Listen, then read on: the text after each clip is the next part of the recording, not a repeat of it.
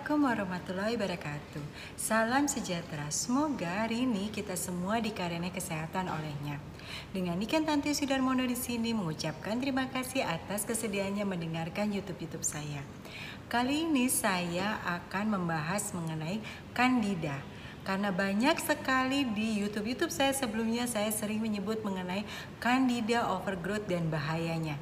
Jadi sebetulnya apa sih itu kandida? Candida itu sebetulnya kalau bahasa asingnya yaitu yeast fungus yaitu ragi jamur. Jadi seperti kita ketahui di dalam tubuh kita terdapat 70% terdiri dari mikrobiome.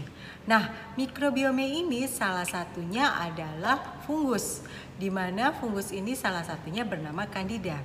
Candida dalam jumlah yang sedikit sangat membantu untuk pencernaan kita tapi dia sangat mudah menjadi berlebihan atau disebut dengan candida overgrowth di mana dia bertumbuh uh, ada di dalam mulut kita dan pencernaan kita. Cara mudah untuk kita mencek apakah kita memiliki candida overgrowth atau tidak yaitu dengan mencek lidah kita dan melihat apakah lidah kita ada lapisan putih. Itu biasanya salah satu pertanda tubuh kita memiliki kebanyakan candida.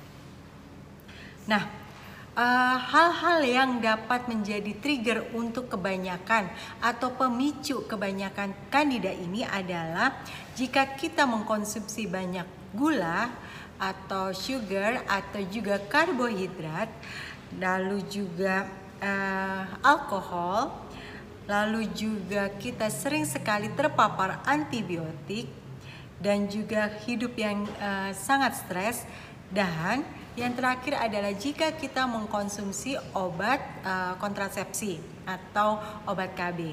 Nah, inilah pencetus-pencetus Candida overgrowth. Kenapa di Indonesia Candida overgrowth ini dianggap uh, cukup banyak orang-orang terkena Candida overgrowth karena kita masih mengkonsumsi nasi di mana kita ketahui nasi adalah sugar atau karbo yang masuk ke dalam tubuh kita dan selalu berlebih. Nah, Simptom-simptomnya untuk Candida overgrowth ini ada empat level. Level pertama yaitu mulai dari gassy, bloating, dan juga konstipasi atau kesulit untuk ke belakang.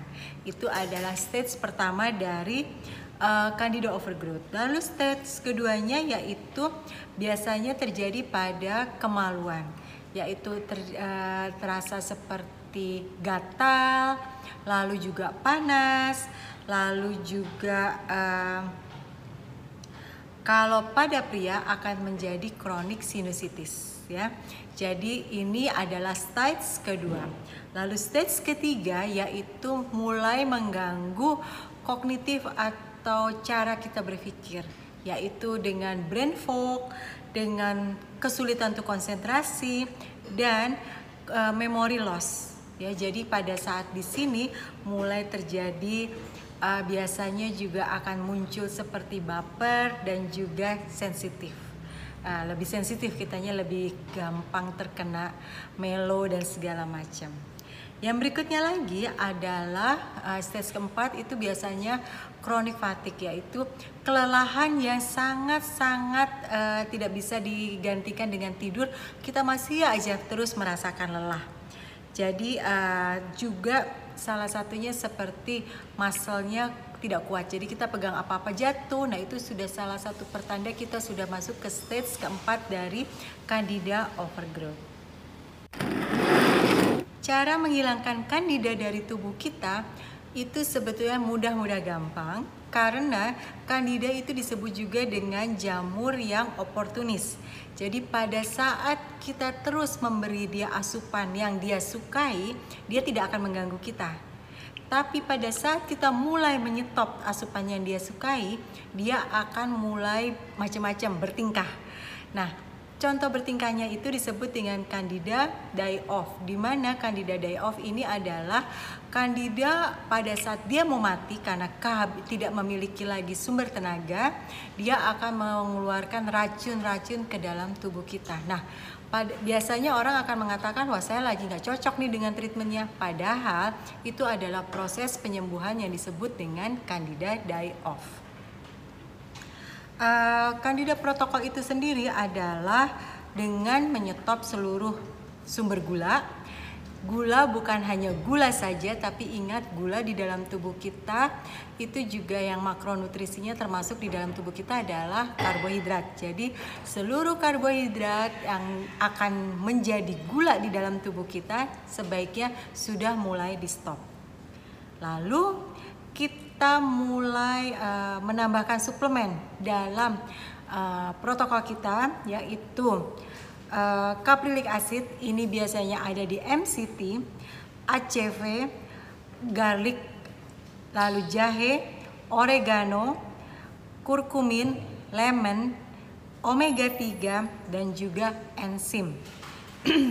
Berikut ini saya akan memberikan contoh-contoh suplemen yang dikonsumsi pada saat kita akan membuang si candida overgrowth ini yaitu MCT seperti ini. Lalu juga ada yang disebut dengan candida support seperti ini. Lalu ada juga garlic dan ginger yaitu di dalam kiolik candida seperti ini.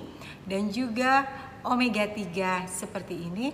Dan enzim seperti ini. Ya jadi ini adalah suplemen-suplemen andalan kita untuk membuang si kandida ini lalu berikutnya pada saat kita sudah mulai uh, terbiasa dengan kandida ini atau maksudnya kandida ini sudah mulai terbuang dari tubuh kita mulailah kita harus mengkonsumsi probiotik untuk memperbaiki seluruh um, mikrobiome di dalam pencernaan kita.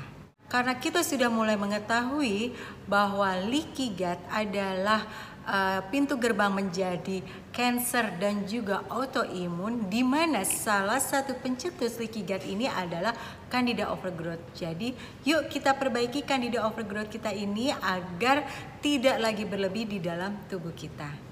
Terima kasih sudah berkenan mendengarkan. Assalamualaikum warahmatullahi wabarakatuh.